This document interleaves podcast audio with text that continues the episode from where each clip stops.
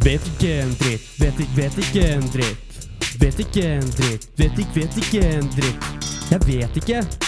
Ja, men jeg vet jo ikke. Jeg vet jo ikke, for faen! Hei, jeg heter Joakim, og jeg vet ikke en dritt. Dette er en podkast hvor jeg hver episode tar for meg et nytt tema som jeg ønsker å lære meg mer om. Dagens tema er kjønnsidentitet. Det er noe jeg personlig føler jeg aldri tenkte over før det begynte å bli tatt opp i media. Og etter det så har jeg for så vidt ikke satt meg så mye inn i det heller. Jeg har liksom bare slått meg til ro med at eh, det angår på en måte ikke meg. Så folk må jo mer enn gjerne bare få holde på. Men nå syns jeg ikke det holder lenger. Jeg vil gjerne vite mer, og med meg for å belære meg, så har jeg med meg Espen Esti Pirelli Benestad. Hei på deg. Hei, du. Hei. Ja. Du er, du er med meg som en ekspert i dag. Jeg håper du har lyst til å ta den. ja da, det, det er ikke noen ukjent posisjon for meg å være i, for å si det på den måten. Så bare, bare fyr løs, du. veldig, veldig bra. Eh, Du er professor ved Fakultetet for psykososial helse eh, ved Universitetet i Agder. Ja. Og er der er du også da Unnskyld? Ja, nei, jeg er nettopp blitt professor emeritt uten kjønnet endelse fra Riktig. 14. Nei, i fjerde. For det at, eh, så, så er jeg pensjonert professor, kan du si, men jeg er jo i jobb, da. Ja. Som, som professor emeritt, blant annet. Ja, og er du fortsatt da fagansvarlig for kjønnsidentitet? Nei, jeg er medvirkende, men ikke lenger fagansvarlig. Ok, men du har da er- tidligere vært Ja, absolutt. Hvor lenge har du vært det? Eller var du det? Altså, jeg, har jo jobba med dette, egentlig, så er det litt vanskelig å skille min kone og meg, og det skal jeg jo heller ikke gjøre. Men, men hun og jeg har hatt ansvar for sexologiutdanningen på Universitetet i Agder siden 2001. Så vi har faktisk 20-årsjubileum neste, neste år. Og siden jeg da eh, har gått av med pensjon, da, på en måte, så er det hun som har fagansvaret nå. Og så er det en ny som vil få fagansvar fra høsten av. Fordi at eh, Elsa planlegger å bli emeritt, kanskje emerittar, da. Hun skjønner jo seg eh, fra en eller annen gang i 20, 2001. Men, men nok, du, du snakker nok med den her i landet som har mest kompetanse på dette med kjønn og kjønnsidentitet, tror jeg jeg kan tillate meg å si. Det høres jo veldig bra ut. Da håper jeg dette skal bli en lærerik episode. Ja. Eh, Jeg har lyst til å starte relativt enkelt. Hva er kjønnsidentitet? Ja, kjønnsidentitet det er en slags indre opplevelse av å være kvinne, mann eller noe annet. Noe tredje, noe fjerde eller noe femte. Og Hvis du liksom skal prøve å sette deg selv inn i den situasjonen, for du begynte jo med å si at du aldri har tenkt over det. Nei, du har neppe hatt bruk for å tenke over det. For det hvis, hvis kjønnsidentiteten er i samsvar med det kjønn du ble faktisk tildelt ved fødselen, så trenger man ikke reflektere så mye. Så er det bare det da, at eh, hva snakker man med, eller hvem snakker man med når man kjønner et nyfødt barn? Jo, man Mm. snakker med tissen. Og den kan jo egentlig ikke snakke. Nei? Den kan, nei. Eh, og så hender det da at eh, eh, hodet eh, noen ganger veldig, veldig tidlig, før fylte tre år, sier at nei, du er ikke det de sier du er. Du er noe annet. Mm. Vanligvis er jo det at man sier at 'jeg er gutt', når en faktisk er tildelt jentekjønn. Eller at en sier at 'jeg er jente', selv om en er tildelt guttekjønn. Og kjønnsidentitet er jo kilden til at man sier det. Så hadde kjønnsidentitet ikke vært til, så ville ikke små barn ha sagt dette.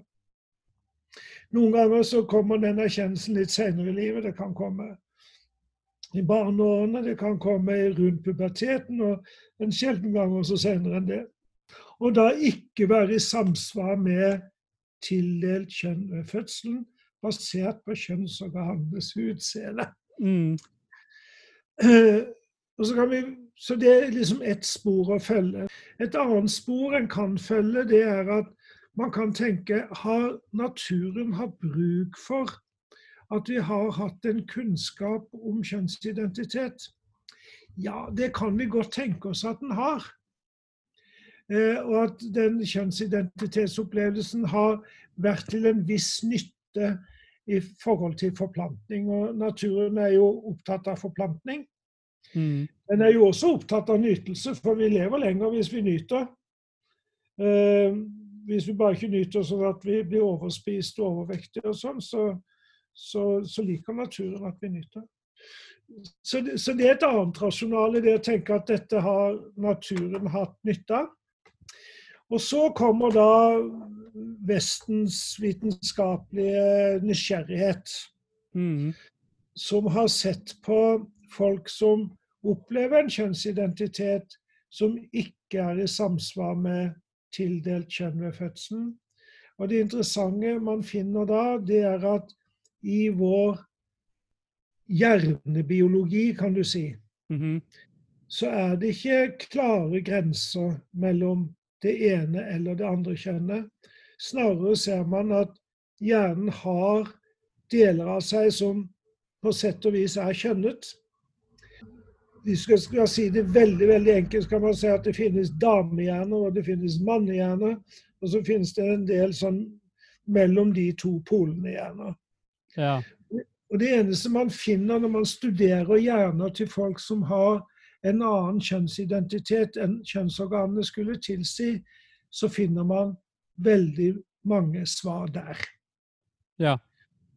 Så det betyr ikke nødvendigvis at kjønnsidentiteten sitter litt til venstre for, midt, for midtlinjen, men den synes å være påvirket av ganske mange forskjellige strukturer i hjernen vår. Ja. Eh, både det som eh, både de veldig gamle delene av hjernen våre, som vi deler med masse andre dyr, og de nyere delene, som f.eks. inneholder det som heter hvit substans. Men, men det, det, kjønnsbiologene mener, da, det er at, at, eh, at rommet mellom kvinne og mann, det, er, det flyter. Mm. Når man ser på de store tallene. Og så sier da de samme kjønnsbiologene, de flinkeste i verden, de sier det er bare én måte du kan vite et annet menneskes kjønn på. Og vet du hva det er? Spørre de? Ja! Hey. det er bare å spørre! Ja.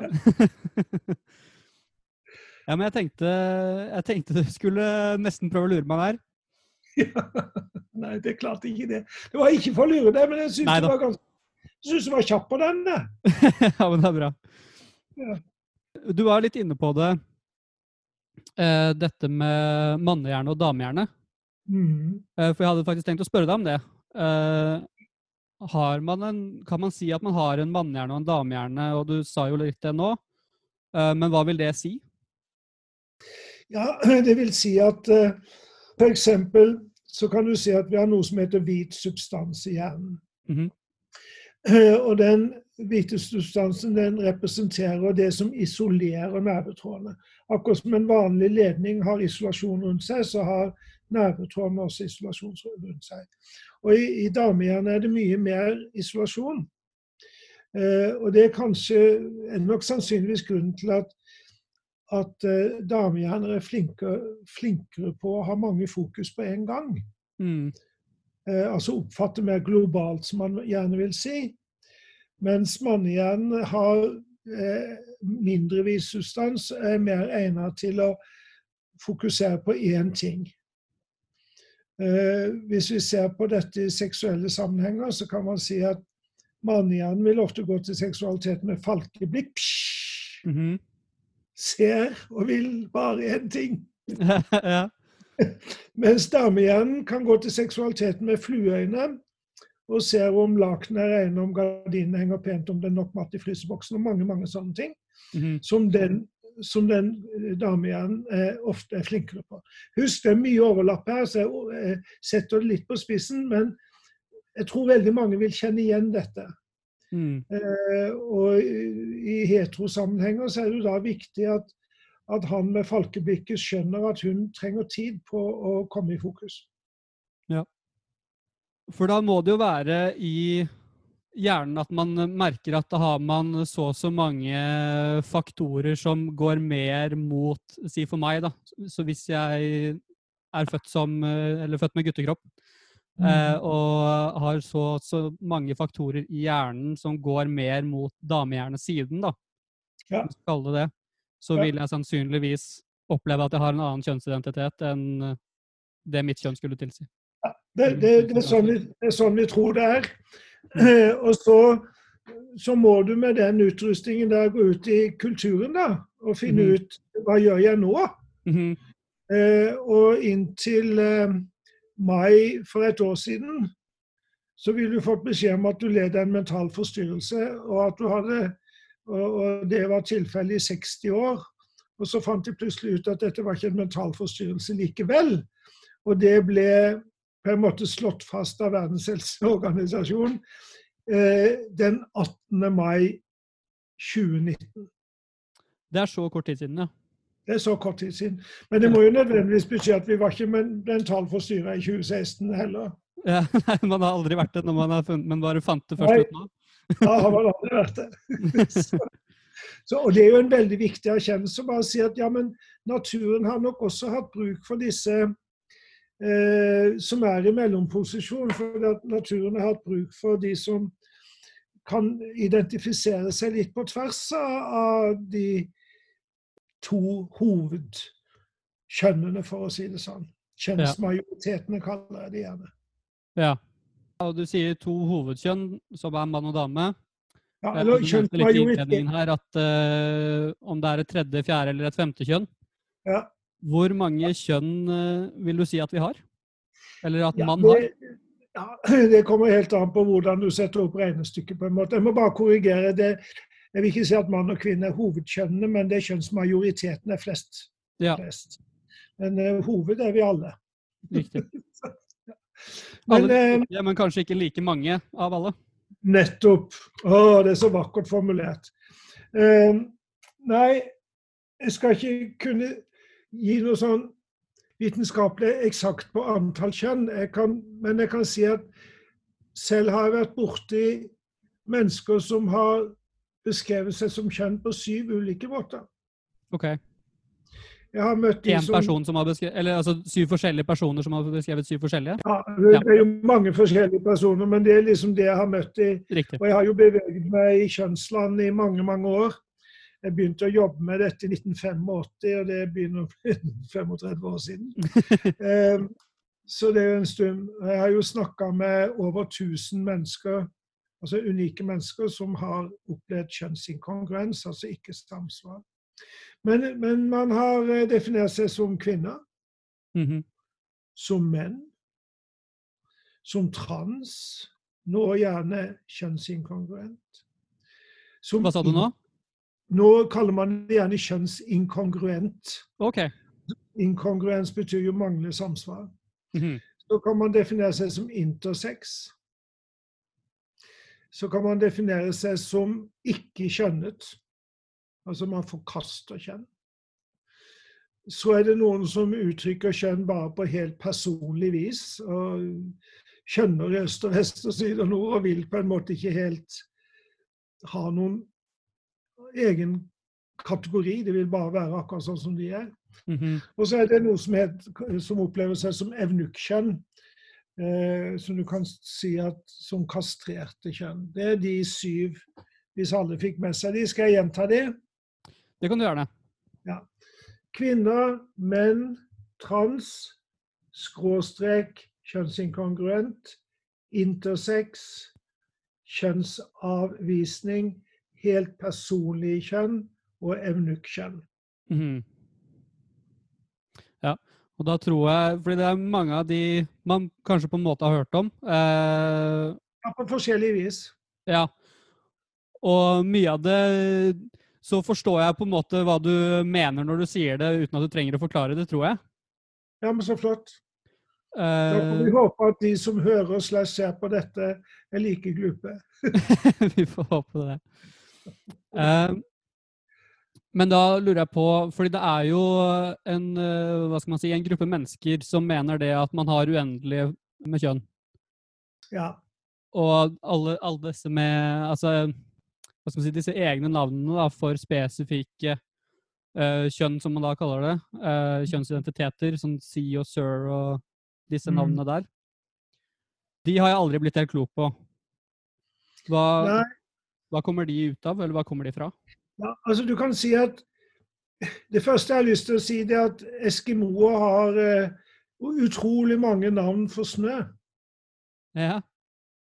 Fordi at de er midt oppi det hele tiden. Om ikke hele tiden, så iallfall store deler av tiden. mhm, Eh, og, og, og de som ikke er som deg, men som for, for, av forskjellige grunner blir inspirert til å reflektere over sitt, sitt eller sine kjønn, eh, jo mer de da skjønner Vi kan skjønne den rollen vi har, vi kan skjønne den jobben vi har, vi kan skjønne hvordan vi kler oss og ter oss. Det, det er utrolig mange ting som kan skjønnes mhm. eh, og som blir skjønnet. Ja. Det er sånn, Gutter kan ikke gråte, OK, men da har man skjønnet gråtingen mhm, til noe jenter kan. ikke sant? Ja. Eh, og, og jo mer sånn man har, det er klart dess flere kombinasjonsmuligheter blir det også, inntil det fullstendig endeløse. Ikke sant. Og, og eh, da er det lurt å stoppe når man har nok. Ikke sant. Altså det, er, det handler om at man, eh, man ilegger ting kjønn etter eh, mye annet enn bare hva man opplever seg selv som, men altså aktiviteter og ting og farger og hva som helst. Alt mulig. Ja. Rosa. Vi skjønner rosa. Ja. Jo, fordi sant, Man har jo hørt om guttefarger og jentefarger og gutteaktiviteter og gutteting og sånn Guttelek og ja. Ja. Eh, Og hvis vi da kryper tilbake til naturen, naturen, -hmm. så er det bare én ting i naturen som er klart todelt. Ja. Og det er sædceller og eggceller. Ja. Alle andre ting som vi måtte skjønne, de er ikke todelte. Der vil det alltid komme inn eh, variasjoner. mm, Men eh, eggceller og sædceller det er på en måte en slags todeling som er Det er forutsetning for hverandre. Det er ikke, det er ikke motsatte kjønn, det er forutsette satte Mm. kjønn for at det skal kunne bli befruktning. Men det finnes folk med pung og testikler som ikke har penis, som aldri har hatt det. Det finnes personer med XY-celler som vanligvis menn har, og som fremstår helt som som kvinner i kroppen, bortsett fra at de har ikke limo og, og sånne ting. Eh, fordi at testosteron ikke virker på de kroppene. Det er masse, mm, masse variasjoner i, i naturen. Eh, og det vi dessverre som kultur har gjort, det er ikke bare å gjøre trans til en mental forstyrrelse. Vi har også gjort alle uvanlige kromosomsammensetninger til forstyrrelser, til feil. mm, Istedenfor å si at nei, men for naturen er det rett. mm, Uh, Så lenge du kan bo i Kristiansand og like kjøttkaker og både elske og bli elsket og ikke ha feber, så feiler du ingenting. Selv om du måtte ha et kromosom ekstra. mm, Og så er det sånn da at disse gruppene som nå er inne i det rommet som heter intersexrommet, der er det også variasjoner i opplevelse av kjønnsidentitet. Så det blir veldig, veldig mye når man Ja. går inn i den skogen, altså. Ja. Det må jeg si. Ja, og hvordan holder man da oversikten? Fordi det føler jeg sånn i en politisk type debatt, så føler jeg ofte det er hovedargumentet. Ja. Nei, altså man eh, For det første så er det ålreit å si at vi, vi er kjent med flere trær enn bjørk og furu. Mm. For det er vi vant til å se. Ja. Eh, og Det betyr at det er viktig at eh, alle de som representerer mindre grupper, at de viser seg frem. Fortrinnsvis med stolthet. Mm. Det hjelper veldig. Mm. For da blir vi liksom vant til det. mhm, Eh, og så, for letthets skyld, så kan man tenke at ja, det finnes mer enn kvinner og menn. Hvis, hvis, bare, hvis man tenkte at hele befolkningen visste det, så ville de slippe å protestere så veldig mot naturen. Mm. Og så vil det etter hvert gli inn de begrepene man har bruk for. Ja. Det er klart at De begrepene vi ikke har bruk for, de, de, de tar vi aldri inn. Og så blir det oss som da er høyspesialiserte på disse områdene, som da får en, en større grad av oversikt. Men det gjelder jo mange ting. Ja, Altså det du Eh, kanskje Tror du kanskje da at eh, vi har eh, Noen vil si at vi har uendelige, og at vi har såpass mange forskjellige måter å si det på nå, da. Fordi vi på en måte er på vei over i en fase hvor vi kategoriserer flere kjønn enn bare to, da. Men vi har ikke alle jeg. enda. Jeg tror at, vi, at det skjer jo det man kaller et paradigmeskifte. Et, para, et paradigme det, er en kult, det, kan du si enkelt, det er det en kultur tror er sant. Mhm. Og, og, og vi er i et paradigmeskifte hvor nettopp tokjønnsmodellen faller. Den kommer til å falle. Mhm. Men vi er liksom enda litt i skjelvingene her, og det er fryktelig mange som blir veldig provosert av det. Forunderlig nok. altså Jeg er jo begeistra for det, for jeg er så begeistra for natur. Ja. Skaperverket er vidunderlig for mine sanser. Og når jeg ser at det inneholder denne variasjonen, så blir jeg bare enda mer begeistra. Så, så det med noen synes å, å ha vanskeligheter med å for- forlate sitt eh, verdensbilde på en måte. Ja. Det ble ikke godtatt med en gang at jorda var en kule heller, så vi har sett det før. Nei, men eh, det at folk er vant til ting, og særlig jo eldre man blir, så at man er vant til at én ting er sant, at man plutselig skal gi opp det, det kan være vondt for mange. Jeg kan jo for så vidt ha forståelse for det òg. Ja, altså, jeg skjønner jo det, jeg ser jo det skjer. Mm. Og, en, og en, en måte en kan hjelpe seg litt på, det er at denne nye måten å tenke på tar ikke bort noe som er, men det føyer mer til. Mm. Eh, nest, det er litt i motsetning til at man fant ut at jorda var kuleformet. Det rev nesten grunnen under tenkningen. Men det, det er jo det, kanskje et av de største paradigmeskiftene i, i vår eh, erkjennelse av naturen. Ja. Og dette er ikke fullt så stort, men det, det ligner nok litt på en måte. Mm. Ja, da vil jeg gå litt For vi var litt innom det også. Eh, dette med politikken rundt det og kjønnsdebatten. Eh, hvordan, hvordan ser den ut i Norge i dag? Ja, for det første så har du jo de som uh, har laga en egen gruppe som heter at 'Vi som tror på to kjønn', eller et eller annet sånt. Okay. Og, så de styrer vel med sitt, da. Og så er det jo noen som er veldig motstandere at man skal kunne justere kroppene sine. Mhm. Eh, og den stemmen hører vi også av og til. Ikke så mye i det aller siste som vi har klart å oppfatte, iallfall, men den er der. Eh, så har vi et behandlingsapparat, altså et formalisert behandlingsapparat, som eh, opererer med måter å tenke på som stort sett ligger 30 år tilbake i tiden. Mhm. Eh, og jeg sier ikke det for å henge ut noen, det er bare fordi det er sånn det er. Eh, og så har vi da alle de kjønnstalentfulle som, som gjør kjønn i alle retninger. Og det er klart det blir mye motsetninger ut av dette. Det blir en, en pågående smeltedigel, og det tror jeg kanskje vi må leve med at det er. Mhm. Det har jo også vært snakka veldig mye om at det er en sånn voldsom økning av de som søker kroppsjusterende behandling. Eh, Jeg vil jo si at det er en varslet økning. På den måten at eh, hvis f.eks. klinikken på Rikshospitalet ser på hvor mange de eh, diagnostiserer eh, etter gamle kriterier som transseksuelle, og liksom deler det ut befolkningen, så ser de at det er én på 50 000. Mhm.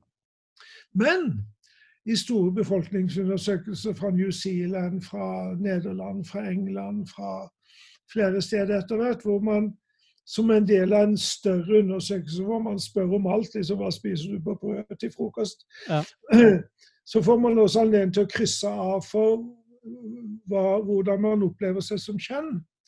Og da er det et sted mellom 1 og 2% som definerer seg innenfor kjønnsinkongruens eller trans. Riktig.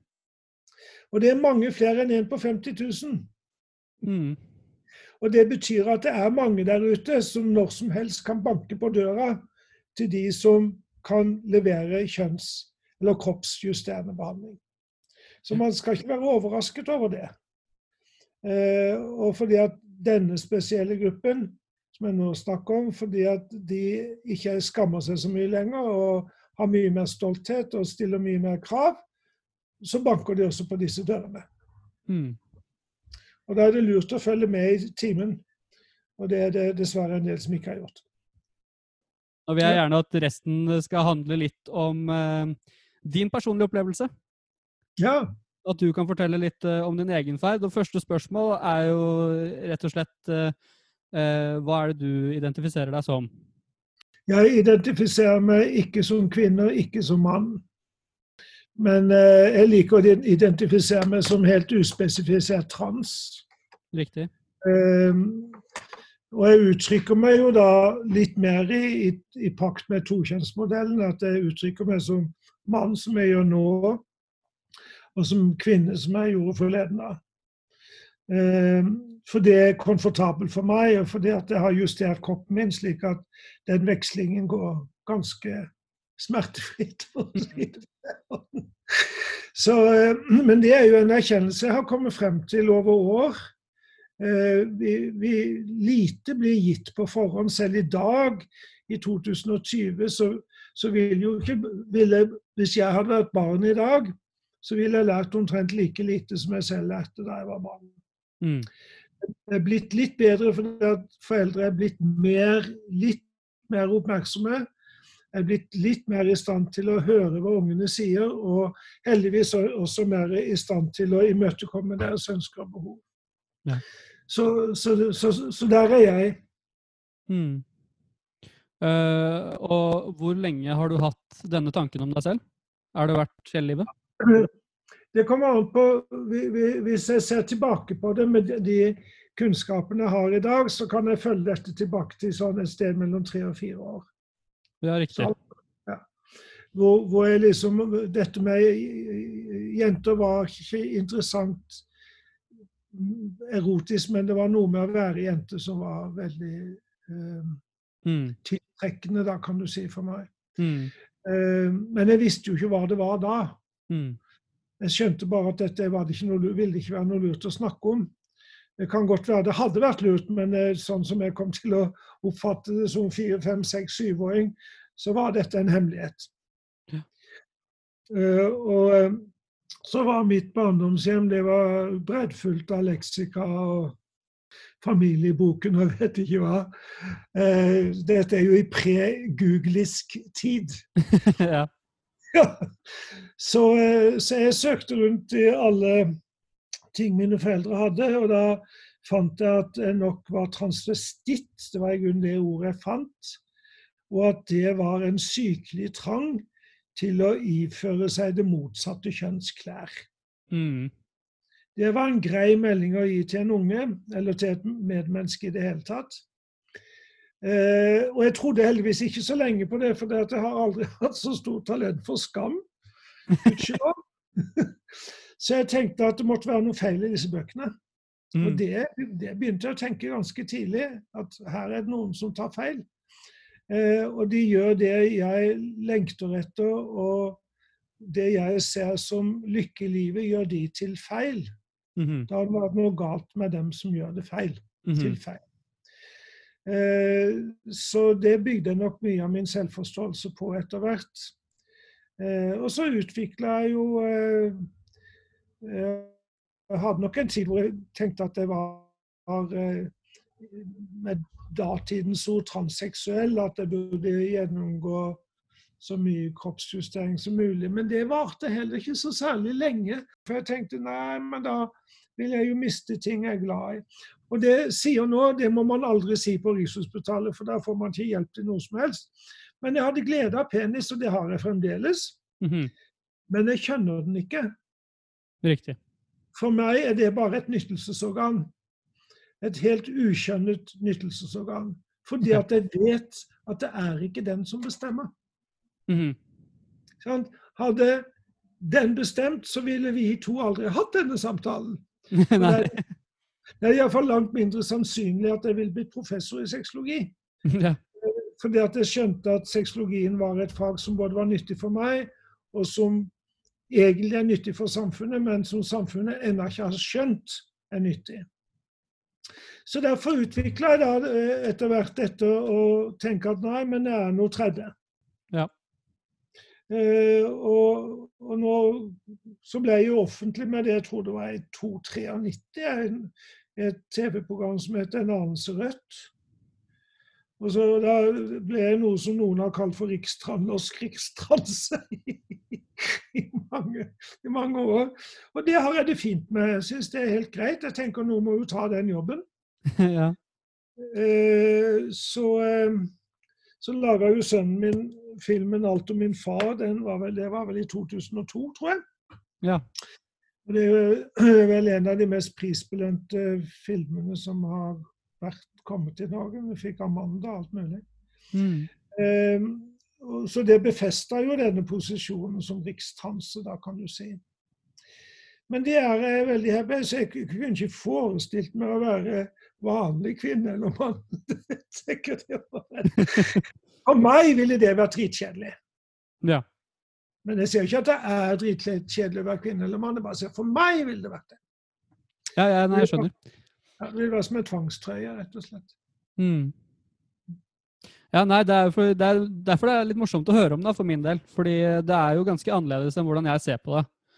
Ja, Eh, fordi jeg, jeg kjønner vel, kan du si Jeg kjønner jo penis. Eh, ja det, det gjør jo alle. Det er jo det som skjer ved fødselen også, ikke sant? Og se på det som eh, og Eller har alltid sett på da, at det er det som gjør meg til gutt. Men så har jeg på en måte ikke noen annen eh, formening om hva gutt er. Eh, det er bare liksom, Du kan gjøre hva du vil og være hva du vil, på en måte. Og så har på en måte disse kjønnene egentlig ikke noe særlig å si, da. Det er sånn jeg ser på det. Ja. Men altså, Gud forby. Hvis du nå skulle utsettes for en ulykke, Mhm. og du mista penisen din, Ja. Hva vil du da være? Nei, det er sant. Jeg ville jo fortsatt sett på meg selv som en gutt. Nettopp. Og hvem ville fortalt deg det? Eh, Det er meg. Og da nærmer vi oss kjønnsidentiteten igjen, ikke sant? At den, Mm. den vil si ja, men jeg er jo mann, vil den si. Ja. Så, så penis bestemmer ikke, men det er en god bekreftelse. Ja. Hvis du tenker 'jeg er mann', aha, bekreftet. Eh, så er jo det jeg mener, det er jo en liten lykke i livet, det. Så vi skal Mm. ikke kimse av det. Ja, hva med Nå bare kommer jeg på Dette kan jeg jo veldig lite om, da. Eh, men jeg bare tenker på Man lærer jo om eh, altså XX, XY-kromosomer Ja. eh, på skolen. ja. Ja. Hva er det det på en måte egentlig styrer da?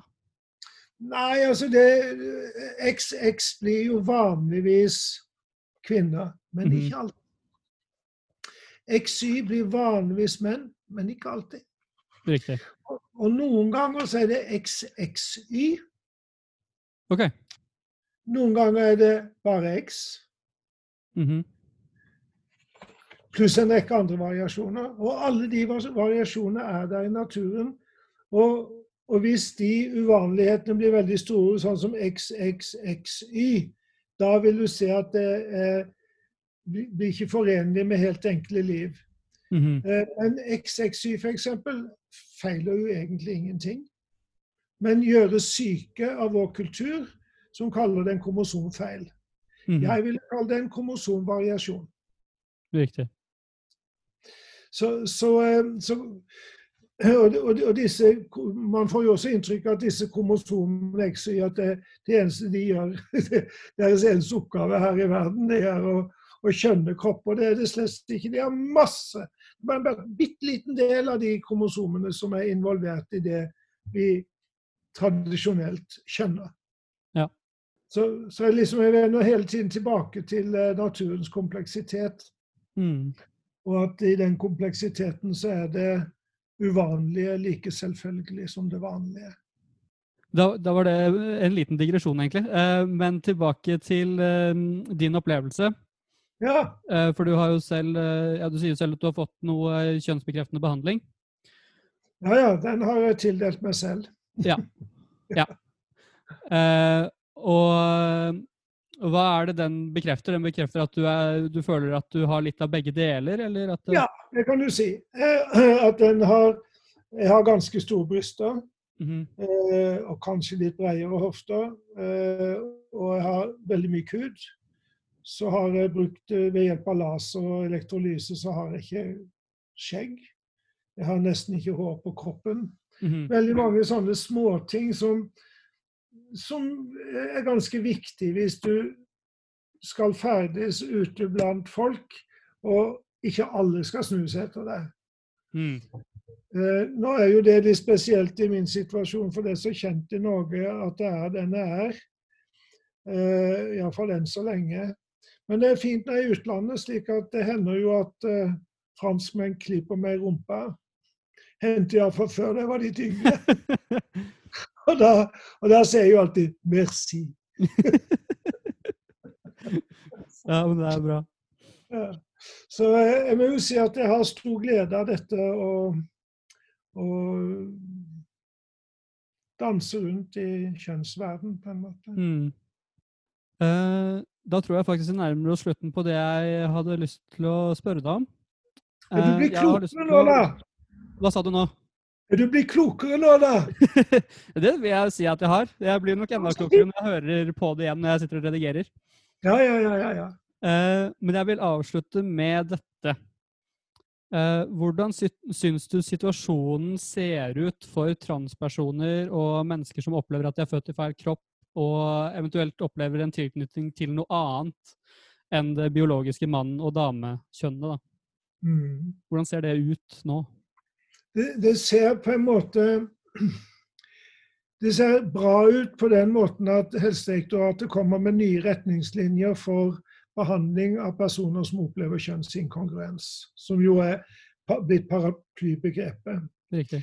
Eh, Det ser dårlig ut hvis Rikshospitalet skal fortsette å bestemme, fordi de er primært veldig dårlig utdanna. Så de er ikke forberedt på den jobben de gjør, og ikke minst ikke forberedt på den makta de har. Så, så, eh, så det er på en måte Jeg tror nok striden fremover vil, vil stå mellom veldig konservative og jeg vil nok si reaksjonære, psykiatrisk inspirerte behandlere Mhm. uten særlig utdanning, og den gruppa det dreier seg om, i samspill med de av oss som faktisk har stor kompetanse på dette området. Jeg skal fortelle en bitte liten anekdote som beskriver det, så det ikke høres ut som jeg tar det rett ut av lufta. Mhm. Eh, 13. oktober, det var 2018, eh, så skulle jeg holde en sexologidag for 35 norske leger i psykiatriutdanning. De skulle altså bli spesialister i psykiatri. Så det første jeg spurte dem om, det var om de i sine år, i sin mangeårs utdanning hadde lært noe om kjønn og seksualitet. Og Da var det en som hadde hatt et kurs på to timer. Og så var det en som hadde studert på et universitet hvor de hadde noe sexologisk. De 33 andre var helt blanke. Ja. Og så spurte jeg dem etterpå om de trodde at kjønn og, om de trodde kjønn og seksualitet hadde betydning for psykisk helse. Det trodde alle. Mm. Så ser jeg ikke rart da, at dere som liksom skal bli psykiatere, ikke lærer no noen ting som vi alle er enige om er av stor betydning for psykisk helse. Jo, de syns det var rart. Dette vet dette har helsebyråkratiet hørt om igjen og om igjen om igjen, og hittil ikke gjort noe med det. Bortsett fra nå kommer dette fra Helsedirektoratet, som jeg håper og tror blir veldig bra. Ja. Så fremgangen skjer, men den kommer sakte? Den kommer sakte, og den er, ofte, den, er ofte drevet, den er ikke drevet av dem som har makta, dessverre. Mm. Den er drevet av opposisjonen. ja Espen Øster, Ja takk. tusen takk for eh, at du ville prate med meg. Det var bare hyggelig. Det, var, det ble veldig ålreit. Ja, så flott. Og flott var det! Det var kjønnsidentitetsepisoden. Tusen takk for at du hørte på. Neste episode kommer til å handle om pils, motherfucker. Alkohol. Kommer til å handle om alkohol. Det blir første episode av eh, Hva skal man kalle det? Rusepisodene. Vi starter med det eneste lovlige rusmiddelet i Norge. Da skal jeg lære litt om hva det inneholder, og hva det gjør med kroppen din osv. Men eh, det kommer til å være mest om politikken og kulturen rundt det i Norge, og kanskje sammenlignet med andre land. Eh, håper dere vil høre på den også. Til neste gang jeg vet ikke en dritt.